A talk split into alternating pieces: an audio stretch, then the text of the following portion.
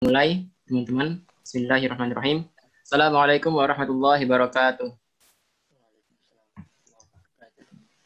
Ya. Uh, Alhamdulillah alladzi arsala rasulahu bil huda wa dinil haq liyuzhirahu 'ala ad-dini kullihi wa kafa billahi shahida. Asyhadu an la ilaha illallah wahdahu la syarika lah wa asyhadu anna Muhammadan 'abduhu wa rasuluhu la nabiyya ba'dah. Allahumma shalli wa sallim wa barik 'ala sayyidina Muhammad wa 'ala alihi wa ashabihi ajma'in.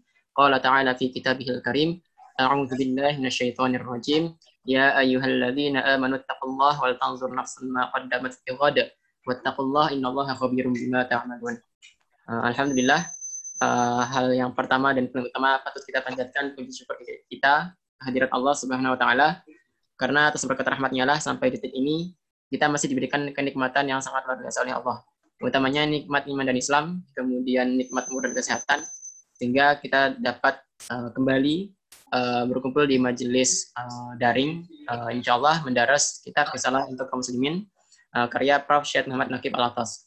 Tak lupa salawat teriring salam kita aturkan kepada junjungan kita Nabi besar Muhammad SAW beserta para keluarga dan para sahabat serta para pengikutnya yang setia hingga akhir zaman. Semoga uh, kita tergolong umat Rasulullah yang senantiasa mengamalkan sunnah-sunnahnya dan mendapatkan syafaat darinya kelak. Amin. Ya Alamin. Uh, Oke, okay. uh, yang tak lupa juga uh, saya selaku perwakilan dari teman-teman uh, kajian pelepah kurma, teman-teman ITC Surabaya dan teman-teman ITC Malang uh, mengucapkan banyak terima kasih uh, wabil khusus kepada Ustaz Konfi Hasib yang sudah uh, meluangkan waktu untuk kita semua dalam rangka mendaras kitab risalah untuk kaum muslimin ini. Uh, dan kemarin kita sudah sampai di uh, sekitar peranggan ke-42 yang di situ kita sudah membahas tentang bagaimana uh, peran syair dalam tradisi keilmuan Islam dan bagaimana uh, peran syair itu sendiri telah mengalami pergeseran seiring dengan berkembangnya zaman, utamanya ketika sudah memasuki era rasionalisasi oleh peradaban Barat pada abad ke-18. Uh, insya Allah kita malam ini akan mulai melanjutkan pembahasan kita masih seputar paham kesusastraan dan kesenian uh, di peranggan ke-43 langsung saja kepada Ustadz Khalili. Uh, monggo Ustadz dipersilakan. Assalamualaikum warahmatullahi wabarakatuh. Waalaikumsalam warahmatullahi wabarakatuh.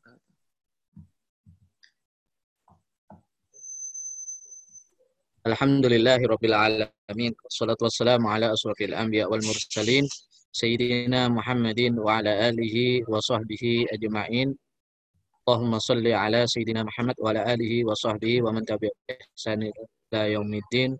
Allahumma aftah alaina hikmatak wa syur alaina khazaini rahmatika ya arhamar rahimin. Alhamdulillahi rabbil alamin. Malam hari ini kita lanjutkan pelajaran kita daras risalah untuk kaum muslimin.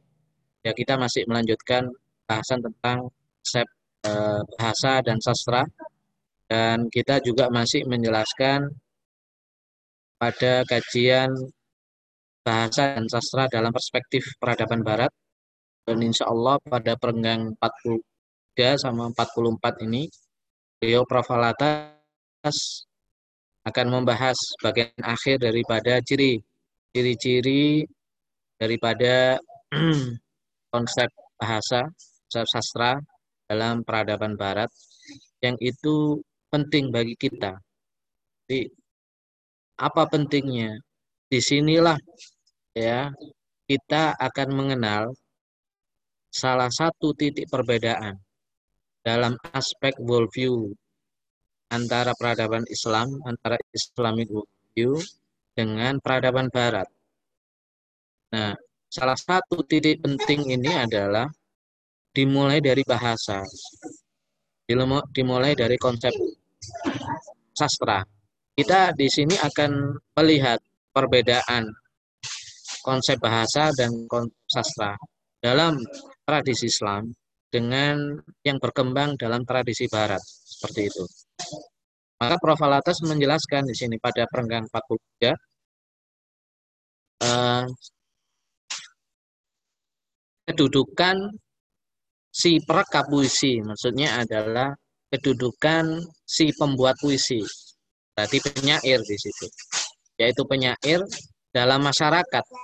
Maksudnya beliau ini Prof. Alatas menjelaskan eh, pada zaman dulu, peradaban barat zaman dulu, ya, masyarakat seakan-akan filosof. Dalam masyarakat seakan-akan filosof. Jadi pada zaman dulunya, ya, pada zaman dulunya, para penyair itu ya adalah dianggap sebagai seorang filosof. Posisinya hampir sama dengan itu. Ya, karena puisi sejak zaman pra falsafah maksudnya sebelum zaman modern sebelum barat memasuki zaman pencerahan sebelum barat peradaban barat ini belum mengenal falsafah sebelum zaman pra falsafah lagi sudah sedia dianggap sebagai satu kenyataan utama ilmu teologi atau ilmu ketuhanan jadi ilmu sastra ini, ilmu puisi, ya, dianggap sumber daripada ilmu ketuhanan. Di konsep-konsep tentang ketuhanan, konsep-konsep tentang eh, dasar-dasar daripada agama itu diambil dari para penyair-penyair ini, ya, sehingga kedudukan para penyair ini, orang-orang yang menciptakan puisi, menciptakan syair dan sebagainya, memiliki posisi yang terdepan di situ. Dan si perekannya, maksudnya si pembuat puisi, mengaku atau mendakwa mendapatkan ilham daripada Tuhan. Jadi mereka menciptakan puisi, puisi itu mengaku-ngaku mendapatkan inspirasi dari dari Tuhannya. Dan kononnya merupakan menyingkap tirai yang menyelubungi rahasia luhur alam gaib. Tapi ini pengakuan pengakuan dari dari para penyair ahli falsafah di situ bahwa mereka itu mendapatkan ilham, mendapatkan inspirasi dari Tuhannya mengenai alam gaib. Mereka mengaku mendakwa bahwa mereka memiliki kemampuan untuk menyingkap tirai ya, tirai tirai gaib seperti itu. Jadi ini ini zaman pra falsafah. Sesungguhnya benar bahwa pada zaman purbakala, maksudnya pada zaman dulu, dan juga di kalangan masyarakat jahiliyah yang masih meneruskan peninggalannya ke zaman kita ini. Memang ada benarnya pada zaman dulu, zaman jahiliyah sampai zaman sekarang. Para penyair mengambil peranan utama ya dalam perkara kepercayaan dan agama. Sebagian juga seperti itu. Akan tetapi dengan zahirnya, ini kemudian di sini profil atas dengan kata akan tetapi di situ ingin menunjukkan apa? Ada perubahan, ada perubahan konsep pemikiran dalam masyarakat barat. Perubahan tentang apa? Perubahan tentang konsep bahasa, konsep sastra dan sebagainya, konsep seni dan itu berpengaruh pada konsep nilai. Ya, ini dan ini saling mempengaruhi. Nah, Prof. Halatus kemudian menjelaskan akan tetapi situ dengan zahirnya golongan para filosof, dengan munculnya maksudnya. Sejak munculnya golongan para ahli falsafah di mana ketika ahli filsafat ini muncul baik itu pada zaman Yunani atau pada zaman eh, barat modern pada zaman itu ya telah menerbitkan ilmu falsafah maka golongan penyair dan puisinya seperti telah disentuh di perenggan 41 telah mendapatkan labrakan hebat daripada golongan filosof. Maksudnya mendapatkan pertentangan, tantangan yang kuat. Dapatkan tantangan yang jadi sejak para ahli falsafah eksistensi daripada golongan eh, para penyair ini merasa terancam. Dan dalam sejarahnya kemudian ya, dalam sejarahnya kemudian para ahli falsafah ini memenangkan pertarungan wacana pemikiran. Dan ahli syair ini kalah. Akhirnya syair kemudian ya sastra, konsep bahasa, bahasa yang awalnya ada di tangan para penyair sastra yang awalnya seni sastra yang awalnya di tangan para penyair kemudian beralih di tangan para ahli falsafah di situ. Dan kedudukan utamanya di kalangan masyarakat telah digulingkan. Zaman pra para penyair ini mendapatkan kedudukan penting di masyarakat. Dianggap sebagai seorang pemuka, orang yang ahli ilmu, orang yang karena bagaimana itu mereka mendakwa atau mengaku-ngaku mendapatkan ilham dari Tuhan, otomatis masyarakat mengangkat mereka ini.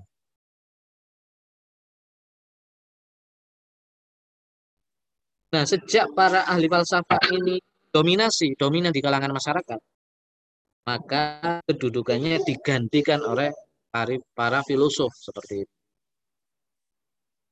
Nah, perlu ditegaskan bahwa yang dilabrak itu bukan puisi. Jadi begitu para ahli falsafah ini dominan pengaruhnya, mereka tidak menghapus puisi, mereka tidak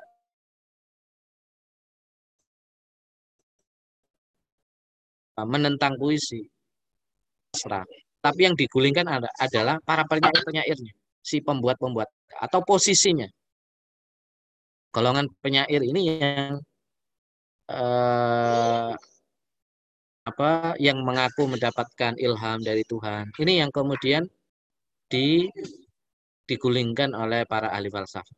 Dan ahli falsafah ini ada kelompok yang tidak menyukai aspek-aspek nilai ketuhanan. Di aspek-aspek nilai-nilai keagamaan seperti itu. Jadi mereka adalah sebuah kelompok para pemikir ilmuwan ya, ilmuwan di mana mereka ini cenderung independen daripada agama.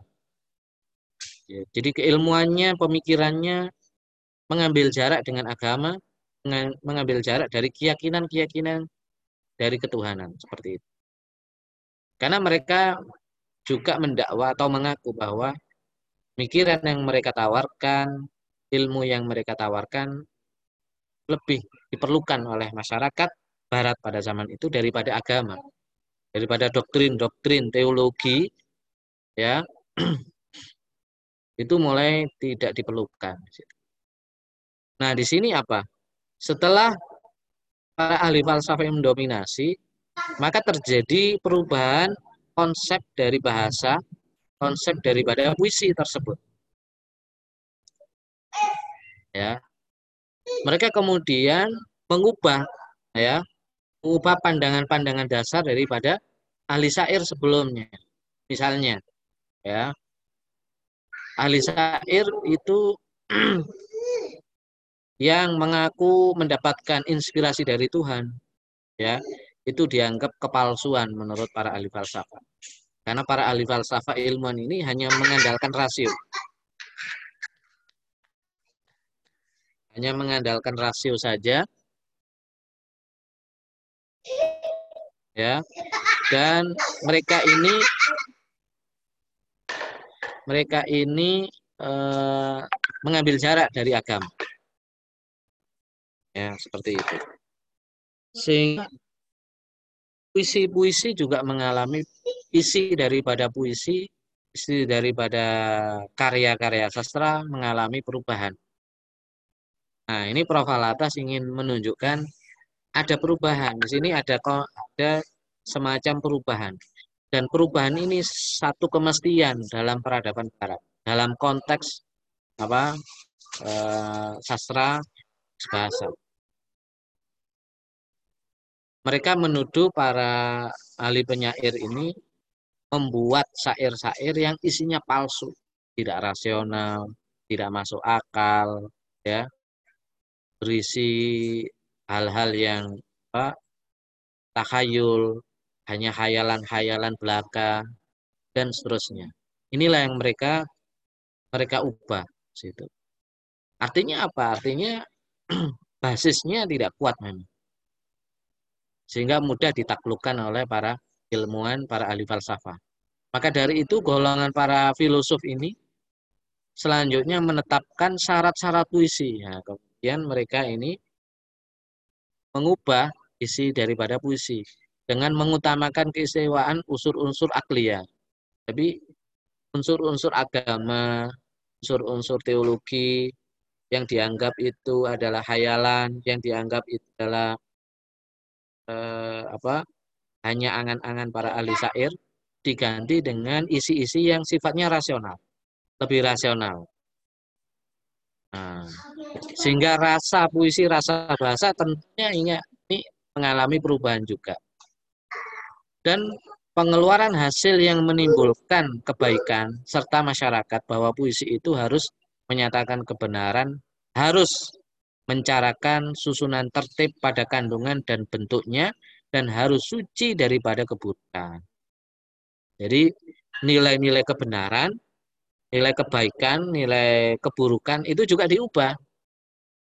Ya, karena syair-syair, puisi-puisi itu pada zaman prafalsafa itu juga mengajarkan hal-hal sebuah nilai kehidupan. Nilai-nilai kehidupan. Yang mana nilai-nilai kehidupan itu bagi masyarakat barat pada zaman itu dianggap nilai yang baik. Begitu datang para ahli falsafah itu tidak baik. Maka diubah di sini ada satu perubahan kon tentang konsep baik, baik dan buruk di situ. Mana yang baik dan mana yang buruk itu itu di, diubah. Satu kebaikan ya itu pada zaman para falsafah itu ada di tangan para penyair, para pembuat-pembuat syair, pembuat pembuat puisi. Ya, mereka punya otoritas untuk apa menyatakan satu kebaikan karena mereka mengaku-ngaku itu mendapatkan inspirasi dari Nah, ini kemudian diubah lagi tentang nilai baik dan nilai yang buruk. Nah, para ahli falsafah ini adalah para pemikir dan cenderung rasional. Sehingga nilai-nilai rasionalismenya di situ lebih lebih dominan untuk menilai sesuatu perkara nilai itu dianggap baik atau tidak baik seperti itu. Selain syarat-syarat ini, kemudian ditambah pula kepada zaman klasik itu, syarat-syarat bahwa puisi harus mempunyai keseimbangan dan keseksamaan antara berbagai bagian satu sama lain dan keseluruhannya, dan harus mengandung ketegasan makna. Karena apa?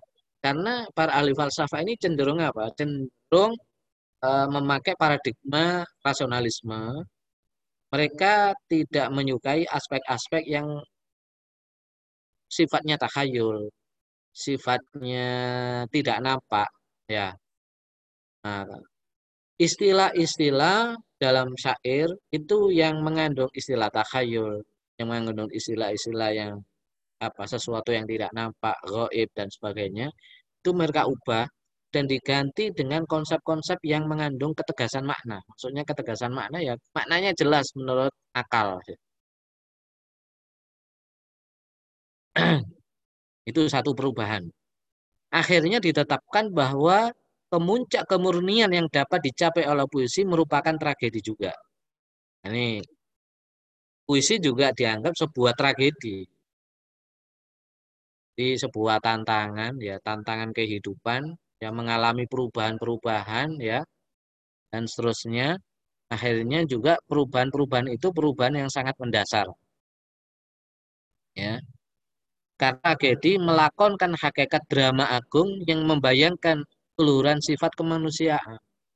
Jadi ada unsur konsep tragedi ini berpengaruh terhadap puisi tersebut. Kelawas, eh, kelawasan hati yang dimaksudkan itu digelar dengan nama kataris ya situ. Kataris dari bahasa Yunani kataros dan katartikos yang mengandung arti pembersihan atau penyucian seperti pembersihan atau penyucian yang diakibatkan oleh pencahar. Dari tragedi itulah dia yang mengambil peranan pencahar untuk melawaskan hati dan getir, khawatir, dan sedih hibah. Nah, seperti itu. Jadi untuk menghibur saja. Pada zaman pertengahan pula, keutamaan unsur-unsur akli, keutamaan unsur-unsur rasional dan amalia ditekankan sebagai unsur wajib bagi puisi. Di puisi kemudian pada zaman pertengahan akhirnya apa? Puisi harus mengandung nilai-nilai yang jelas, rasional, yang bisa diamalkan, sifat praktis, Nah, pada abad ke-18 dan seterusnya, pengaruh rasionalisme barat berkesan atau berpengaruh. Berpengaruh pada paham puisi.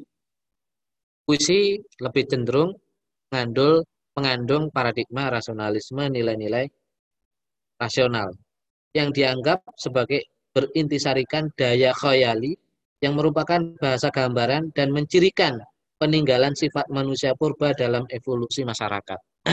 Ini menunjukkan memang ada perubahan. Dan itu sifatnya evolutif.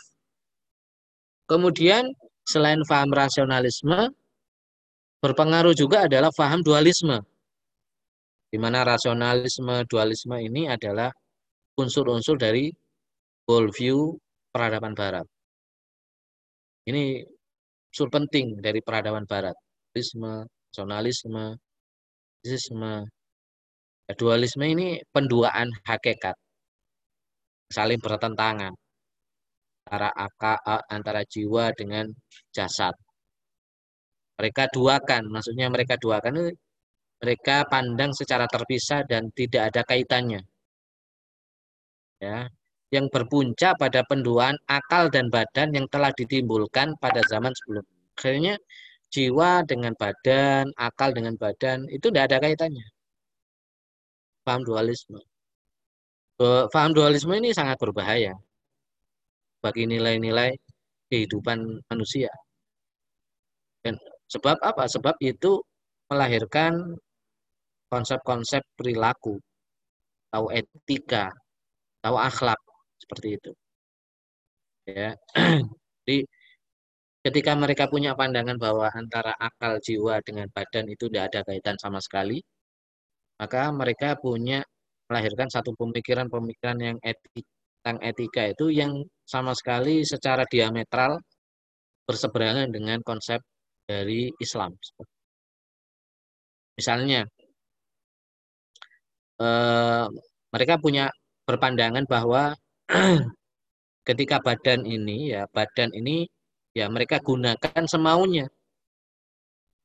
Mereka berzina misalnya wal mereka gunakan untuk hal-hal yang bagi Islam itu haram ya tapi pikirannya, ya mereka berpandangan yang penting pikirannya bersih. Yang penting akalnya bersih seperti itu. Ya. Tahu mereka melakukan dosa, zina dan sebagainya, tapi mereka kembali pada ini satu paradigma bahwasanya satu pandangan, nah yang penting perilakunya baik, ya. Baik kepada orang eh, ini dan sebagainya. Ini eh, lahir dari satu pandangan tentang cukup berbahaya. Dan ini mempengaruhi konsep bahasa akhir konsep bahasa. Nah selain itu kemudian menjelma faham sosialisme juga mengaruhi Eh, bentuk-bentuk puisi ya. Seni untuk masyarakat telah mendapatkan perhatian di alam suasana masyarakat barat dan perbincangan mengenai keutamaan yang manakah yang harus dipertahankan masih berlangsung tanpa penyelesaiannya. Jadi salah satu ciri dari peradaban barat sekuler itu mereka menekankan pada aspek kemasyarakatan.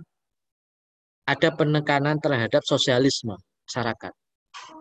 Sedangkan dalam pandangan Islam tidak seperti itu. Ya. Penekanannya adalah kita pada individu. Perbaikan satu kehidupan itu dimulai dari perbaikan individu. Maka tujuan pendidikan Islam adalah melahirkan individu yang beradab, bukan warga negara yang baik. Nah, itu eh, siapa saja yang tarikannya itu konsep-konsep pemikirannya itu kepada kemasyarakatannya maka sebetulnya ini adalah pengaruh dari sekularisme barat sekularisme barat Islam itu memfokuskan pada perbaikan individu perbaikan hati sangat individu banget dalam arti bahwa ini penting perbaikan jiwa, bersihan jiwa, perbaikan hati dan sebagainya. Jadi ada riyadhatun nafs. Kita dituntut untuk melatih hati kita, mendidik, mentarbiah jiwa kita supaya jiwa kita menjadi jiwa yang baik. Dan itu kalau jiwa baik maka menjadi individu yang baik. Kalau individu baik maka akan melahirkan masyarakat yang Sedangkan dalam pandangan sekuler barat sebaliknya itu apa ber, berfokus pada kemasyarakatannya. Itu sosialisme sebetulnya. Jadi apa-apa perbaikan ya perbaikan masyarakat, perbaikan individu itu tidak dihiraukan. Nah, ini ini terbalik. Sampai-sampai kemudian ya lebih kalau ditarik lebih jauh lagi lebih spesifik lagi ya kadang-kadang kita lebih cenderung perbaikan itu sifatnya politis politik politik itu sosial ke masyarakat ya kalau kita mengikuti Imam Al Ghazali tidak seperti itu. Ya memang ada hubungannya. Ada hubungannya. Tapi Imam Ghazali itu fokus pada perbaikan individu dan itu adalah individu adalah lama lamanya ilmu ya. Di kerusakan masyarakat itu diakibatkan oleh kerusakan pemimpin kerusakan pemimpin yaitu karena kerusakan para ulamanya kerusakan ulamanya karena kerusakan ilmu kerusakan ilmu ya itu adalah yang harus diperbaiki Nah, ilmu berarti itu kembali kepada individu. Ilmu yang ada dalam individu-individu muslim. Nah, itu. Jadi dari dari dari individu kemudian ke masyarakat dan dari masyarakat ke individu. Seperti itu. Ya. Kemudian bahwasannya bahwa seni itu merupakan tiruan seperti yang telah dikatakan oleh para filosof pada zaman lampau memang tetap diakui kini dengan arti bahwa tiruan itu tidak semestinya sesuatu yang palsu. Karena tiruan kebenaran tiada palsu asalkan dia merupakan bayangan yang tepat yang diperoleh dari pandangan mata hati. Ya.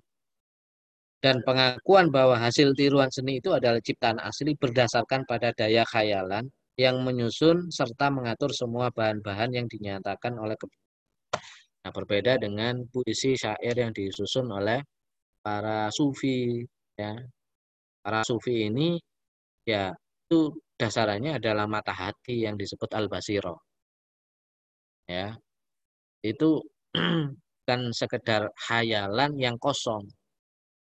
Justru mereka berdasarkan satu keyakinan yang hakul yakin, ainul yakin. Seperti itu. Nah, kemudian pada perenggang 45 ya, beliau menjelaskan Palatas menjelaskan 44 ya. 44 Palatas menjelaskan tentang konsep literatur. Literatur ini kan bahasa Inggris ya, yang artinya adalah sastra ya. Nah, literatur ini artinya apa? Huruf yang tertulis. Rel ya. Jadi kemudian ini menjadi bahasa Inggris literatur artinya kesusastraan. Jadi yang dimaksud sastra dalam peradaban mereka itu adalah sesuatu yang menunjuk pada huruf-huruf yang tertulis. Jadi karya tulis itu karya sastra. Jadi maksudnya berkenaan dengan kata-kata yang tertulis atau tercetak. Kata-kata tertulis atau tercetak yang tepatnya literatur bermaksud persuratan. Persuratan termasuk sastra pertuturan. Dia merujuk kepada kata-kata yang disebut dan dicatatkan. Kata-kata yang dicatat. Ungkapan yang dicatat. Itu literatur. Itu sastra. Ya.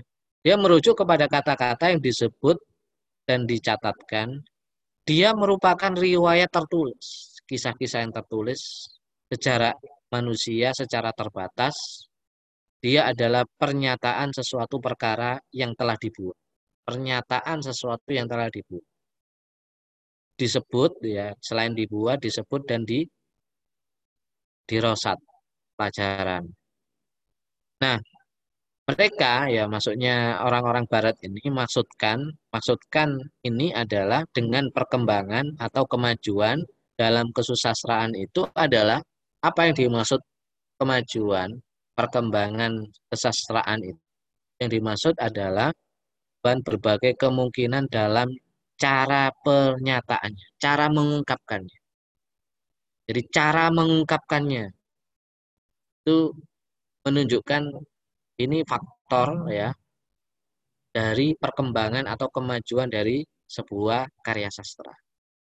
Nah, lagi-lagi Prof. Alatas ingin menunjukkan di sini bahwa dalam konsep konsep literatur pun ya mereka mengalami perkembangan kemajuan yang mana maksudnya kemajuan atau perkembangan ini adalah sebuah perubahan yang sangat mendasar. Beliau Prof. Latas ingin menunjukkan bahwa salah satu ciri khas dari konsep bahasa, konsep kesusastraan barat, itu adalah sebuah perubahan-perubahan yang sangat mendasar. Adanya perubahan yang pada aspek-aspek yang mendasar. Dan itu dipengaruhi oleh waktu dan zaman. Mengikuti waktu dan dan zaman.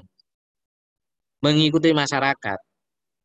Mengikuti kehendak masyarakat.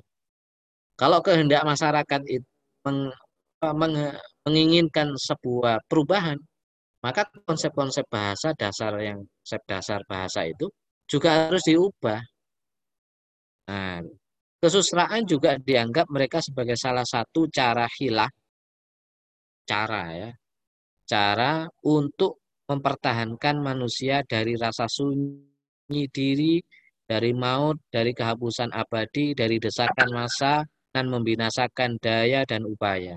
Jadi ini sebuah tragedi. Jadi apa konsep tragedi masuk. Sastra apa fungsinya sastra? Fungsi kesusastraan itu adalah cara manusia untuk mempertahankan, untuk menghibur manusia, untuk mempertahankan manusia dalam dalam mengarungi kehidupan yang penuh dengan tragedi ini. Ya, karena mereka akan mati juga untuk mengisi kekosongan, untuk menghibur. Jadi sekedar hiburan ya dari sulitnya uh, kehidupan di situ sulitnya uh, kehidupan yang dijalani oleh manusia insan atau manusia dijelmakannya sebagai pahlawan nah ini berarti pahlawan yang melakon-lakon kepupusan binasaan jadi manusia adalah se sebagai seorang pahlawan ini ciri khas dari pada konsep tragedi barat. Ya. Ya. Dan menembus ya. Rintangan-rintangan menempuh nasib ke saat atau ke masa akhirnya. Jadi mencari nasib yang baik. Karena mereka ini kan orang yang nggak percaya, mereka kan sekuler ya, nggak percaya hari kiamat, nggak percaya ada kehidupan setelah matian, akhirnya mereka membuat eh, apa membuat gambaran-gambaran bahwa manusia itu lakon, kehidupan. Dan kehidupan ini sebuah seperti sebuah drama yang penuh dengan tragedi. Nah, fungsi daripada sastra adalah untuk apa? Mengisi ya, mendorong motivasi manusia untuk bisa menghadapi ya, nasib dalam kehidupan di dunia ini. Justru adanya maut, adanya mati ya, mereka percaya manusia semua manusia mati dan itu disebut tragedi.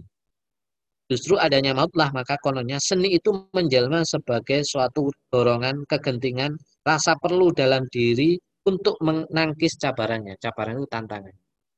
Ini sastra itu dipakai untuk untuk menangkis berbagai macam tantangan-tantangan kehidupan.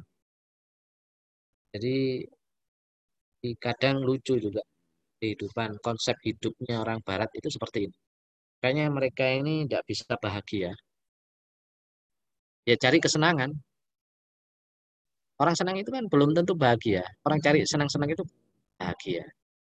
Ya, akhirnya mereka membuat pandangan-pandangan sendiri bahwa saya adalah pahlawan, saya harus memenangkan pertarungan hidup ini. Jangan sampai kalah. Kalau kalah ya tragedi.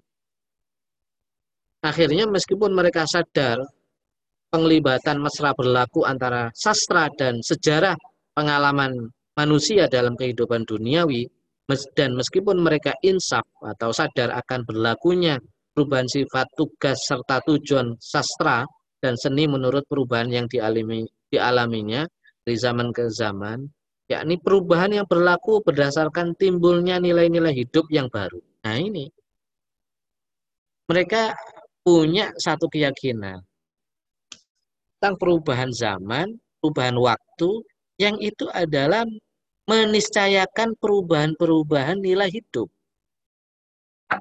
Ketika nilai hidup ini berubah, maka konsep hidup yang diajarkan melalui sastra, melalui bahasa, melalui puisi-puisi itu juga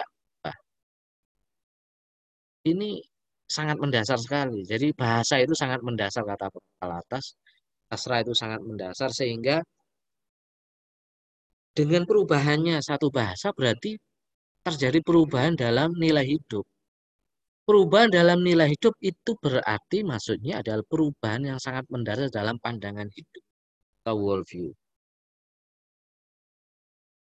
Ini untuk menunjukkan kesimpulannya bahwa keadaan masyarakat dan penyerapannya yang mesra dengan peredaran sejarah itu merupakan penjelasan yang lengkap mengenai asal-usul serta sifat kesusastraan. Sifat bahasa, sifat kesusastraan daripada peradaban barat itu selalu mengalami perubahan-perubahan. Dan perubahan-perubahan itu karena mereka mengikuti tata cara hidup pada zaman kehendak masyarakat, kehendak publik. Itu yang eh, menjadi faktor berubahnya satu nilai. Ya. Inilah bahayanya kalau kita berfokus pada aspek-aspek kemasyarakatan, aspek-aspek publik, ya yang akhirnya apa? Lahirlah apa yang disebut nilai relativisme. Nilai akhlak, kemudian kebenaran itu relatif. Satu kebenaran yang diusung dalam karya sastra, usung dalam karya-karya puisi, bersifat sementara pada zamannya, dan tidak bisa dipakai pada zaman-zaman setelah sehingga orang barat itu tidak menjadikan karya sastra zaman dulu sebagai sebuah kebenaran. Karya puisi tidak menjadi pedoman. Kalau kita umat Islam, justru para syair-syair yang diciptakan oleh para ulama itu salah satu sumber daripada kita mencari hikmah dari kebijaksanaan di situ. Nah, mereka menyusun itu bukan sekedar menyusun, tapi dengan perunungan akal, kerja akal pada aspek yang tinggi. Jadi tingkatan akal yang tinggi, pikiran yang tinggi seperti itu. Jadi mereka bekerja berpikir pada level yang tinggi, bukan level yang saya kira itu Azrul ya. Kita berhenti sampai perenggang 4. Insya Allah kita lanjutkan yang 45 ini nanti eh, sebagai sebuah kesimpulan 46 sebagai kesimpulan dari profil atas tentang konsep bahasa dan sastra. Bahwa alam uh, Baik Ustadz, uh, selanjutnya kita uh, akan masukkan akan masuki sesi tanya jawab. Jadi uh, dari teman-teman yang barangkali ingin mengajukan pertanyaan ya, uh, bisa menanyakan secara langsung kepada Ustadz dengan mengaktifkan fitur raise hand terlebih dahulu. Nanti uh, dari moderator akan mengizinkan, dari saya akan mengizinkan uh, yang sudah menyalakan fitur resen untuk langsung bertanya kepada Ustadz. Tapi kalau misalkan uh, tidak memungkinkan untuk menggunakan fitur raise bisa langsung menanyakan pertanyaannya langsung uh, lewat chat di sini. Monggo uh, buat teman-teman yang ingin bertanya.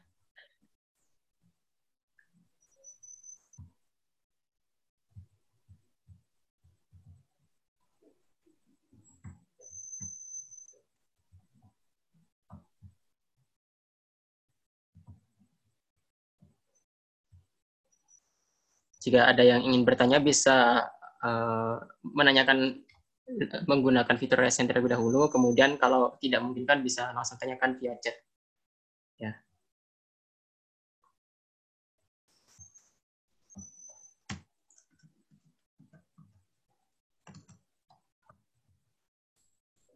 Uh, mungkin sambil menunggu teman-teman bertanya, bisa saya bertanya juga ke Ustadz nih, Ustadz. Oh ya, silakan. Ya, silakan.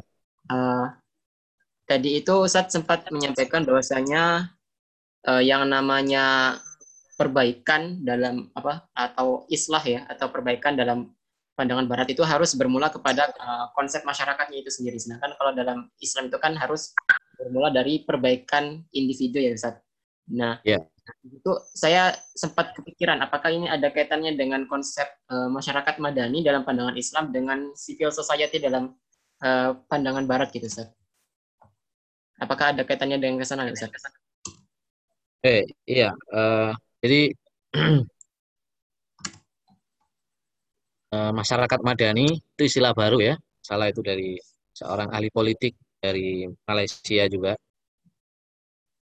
dan civil society itu satu konsep yang lahir dari uh, zaman pencerahan barat itu. Di sivil ya, sivil itu uh, masyarakat ya. masyarakat sipil istilah. Civil society masyarakat sipil. Itu satu konsep yang di dalamnya ada nilai-nilai unsur politik di situ. Betulnya masyarakat madani juga sama seperti masyarakat madani eh, dari seorang ahli politik ya. Meskipun dari segi istilah itu lebih bagus lah ya. bagus eh, istilah madani ya madaniyah itu dari sebuah yang artinya tamadun ya terkait dengan tamadun din ya kaitannya dengan din. Satu masyarakat yang berdin di situ. Maksudnya masyarakat yang peradaban yang jadikan agama sebagai landasan hidupnya seperti. Nah, e, kalau itu e, kembali dilihat dari sebuah perspektif peradaban, kita baca dari sebuah perspektif peradaban dalam arti bahwa e, e, masyarakat madani adalah masyarakat yang berperadaban. Nah, kalau kita baca dari perspektif peradaban Islam, ya berarti masyarakat madani itu lahir dari satu eh, eh, apa pendidikan yang baik dari pendidikan yang baik dan pendidikan yang baik adalah pendidikan yang melahirkan individu yang beradab insan adabi ya Kak Prof. Alatas kan jelaskan itu dalam buku Islam and Secularism. Tujuan pendidikan adalah apa menanamkan adab. Di situ ada kata penanaman adab penanaman adab kepada siapa? Kepada individu muslim. Jadi di situ Prof. Alatas menjelaskan penanaman adab itu bukan pada penanaman pada masyarakat, masyarakat muslim. Jadi penanamannya bukan pada masyarakat muslim, tapi penanamannya pada individu muslim. Ya, seperti itu. Apakah ini anti ke masyarakat juga? Enggak, maksudnya begini dari individu yang beradab ini akan melahirkan ya eh, apa masyarakat yang beradab. Masyarakat yang bertamadun. Masyarakat bertamadun itu masyarakat yang masyarakat madani kan seperti ya. Jadi eh, sehingga konsep sekuler itu suka ini suka pada aspek-aspek yang sifatnya politik sifatnya publik dan sebagainya. Dan apa? Dan itu adalah civil society. Civil society itu lahir dari eh, barat modern. Pada abad pencerahan itu seorang ahli politik Prancis ya, itu menggunakan istilah ini ya. Kemudian ini digunakan sebagai satu bentuk inilah perlawanan istilahnya masyarakat yang baik untuk memperbaiki kehidupan politik, kehidupan negara, kehidupan masyarakat itu dengan sebuah konsep namanya civil society.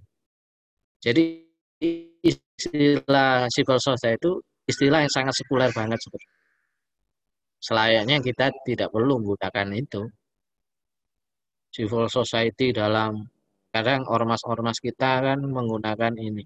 Nggak tahu asal usulnya itu itu juga agak agak di agak di apa agak diubah maknanya. Masyarakat civil society itu apa Makanya penggunaan istilah itu penting ya. Hati-hati dalam penggunaan istilah. Masyarakat madani saja sebetulnya ini istilah baru sebetulnya. Istilah modern ya. Istilah. Saya kira itu. Nah ini terkait nanti dengan tujuan pendidikan sebetulnya. Tujuan pendidikan melahirkan du yang baik bukan masyarakat yang baik. Bukan warga negara yang baik. Kalau menjadi warga negara baik itu belum tentu individu yang baik loh. Ya kan? Kita eh, berkendaraan pakai SIM, pakai STNK, membawa pakai helm, kendaraan standar, itu warga negara yang baik. Kita taat pada aturan yang dibuat oleh pemerintah, yaitu warga negara yang baik. Tapi apakah orang seperti ini uh, mulia di sisi Allah? Belum tentu juga. Kalau dia meninggalkan sholat, meninggalkan zakat, tidak sholat, ya akhirnya individu yang jahat seperti. Justru ini individu yang jahat kalau nggak sholat. Itu itu maksudnya perbedaannya ya. Silakan.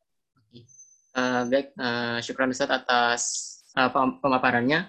Jadi teman-teman, bila ada yang ingin bertanya bisa menggunakan fitur terlebih dahulu atau kalau misalkan uh, bertanya via chat bisa.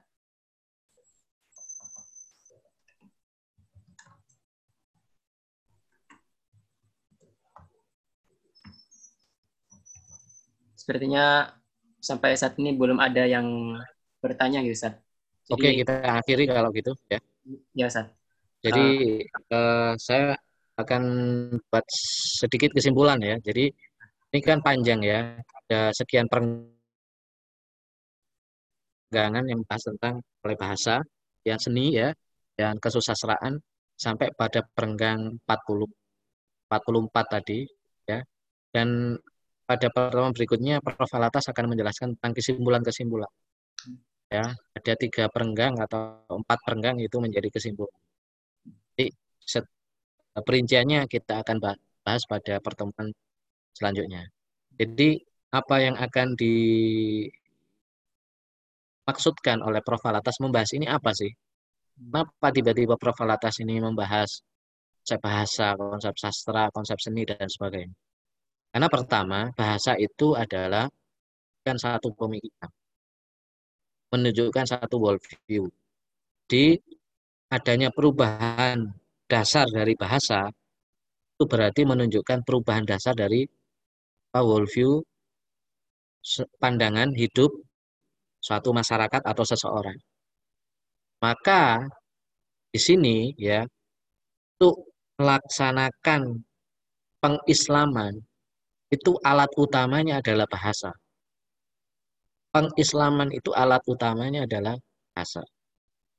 Nah, Prof. Alatas menjelaskan duduk persoalan dari bahasa dari peradaban barat itu.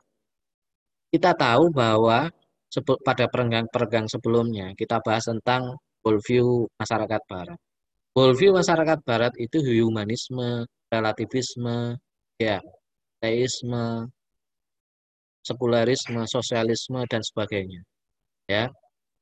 Nah, worldview ini ini saling mempengaruhi antara bahasa, konsep bahasa dengan ya.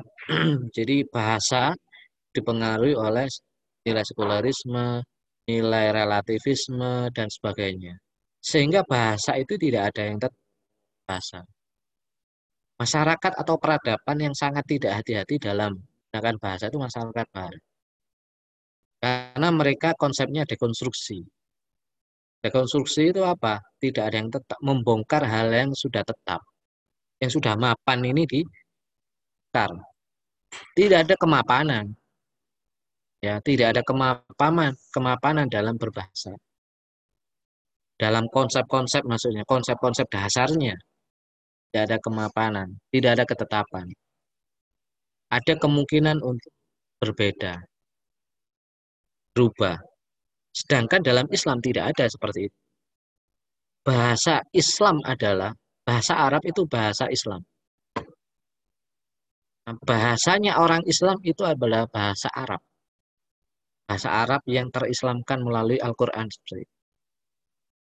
Di mana bahasa ini, bahasa Arab, memiliki kekuatan dari akar kata. Sudah kita bahas belum.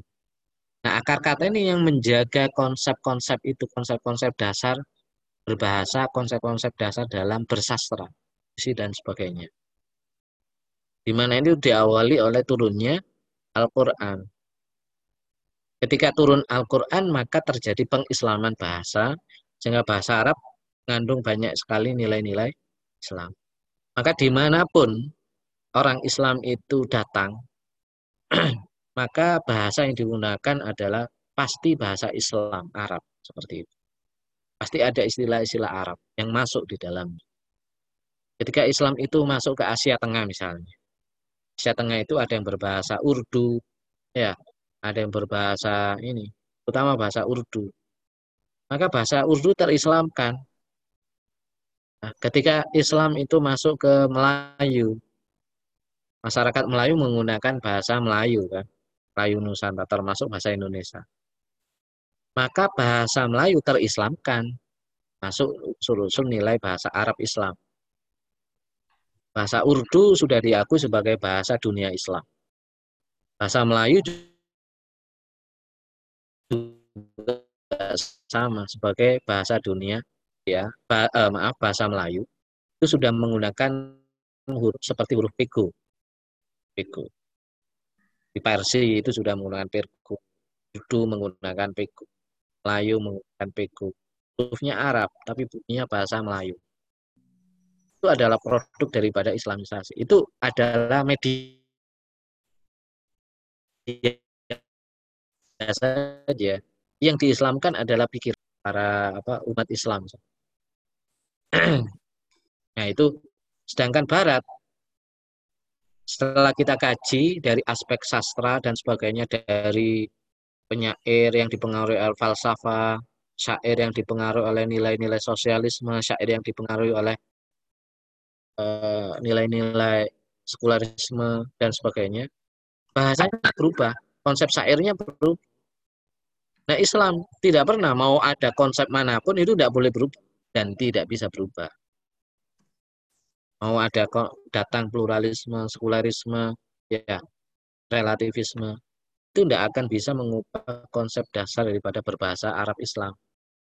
Dari konsep situlah kita akan mengenal satu bentuk kebenaran kebenaran. Saya kira itu Azrul. Terima kasih. Ya, Alhamdulillah uh, telah sampai kita pada di penghujung daras ya. Uh, intinya bagaimana kita benar-benar memahami bagaimana Islamisasi itu terjadi khususnya di Kepulauan Melayu Nusantara ternyata uh, aspek bahasa yang paling ditekankan karena dari sisi bahasa itulah yang mencerminkan uh, pemikiran manusia. Uh, insya Allah uh, kurang lebih seperti itu uh, daras yang akan yang telah kita bahas pada malam hari ini. Sekali lagi saya ucapkan uh, jazakumullah khair kepada teman-teman yang sudah menyempatkan waktu untuk hadir di daras kita pada hari ini. Uh, sebelum kita tutup, mari kita sama-sama melafazkan hamdalah. Alhamdulillah. Uh, ditutup dengan doa kafaratul majelis. Subhanakallahumma bihamdika. Subhanallah. Bina siratal mustaqim akhirul kalam. Assalamualaikum warahmatullahi wabarakatuh. Waalaikumsalam warahmatullahi wabarakatuh. Jazakallah khair Ustaz. Pak iya aku.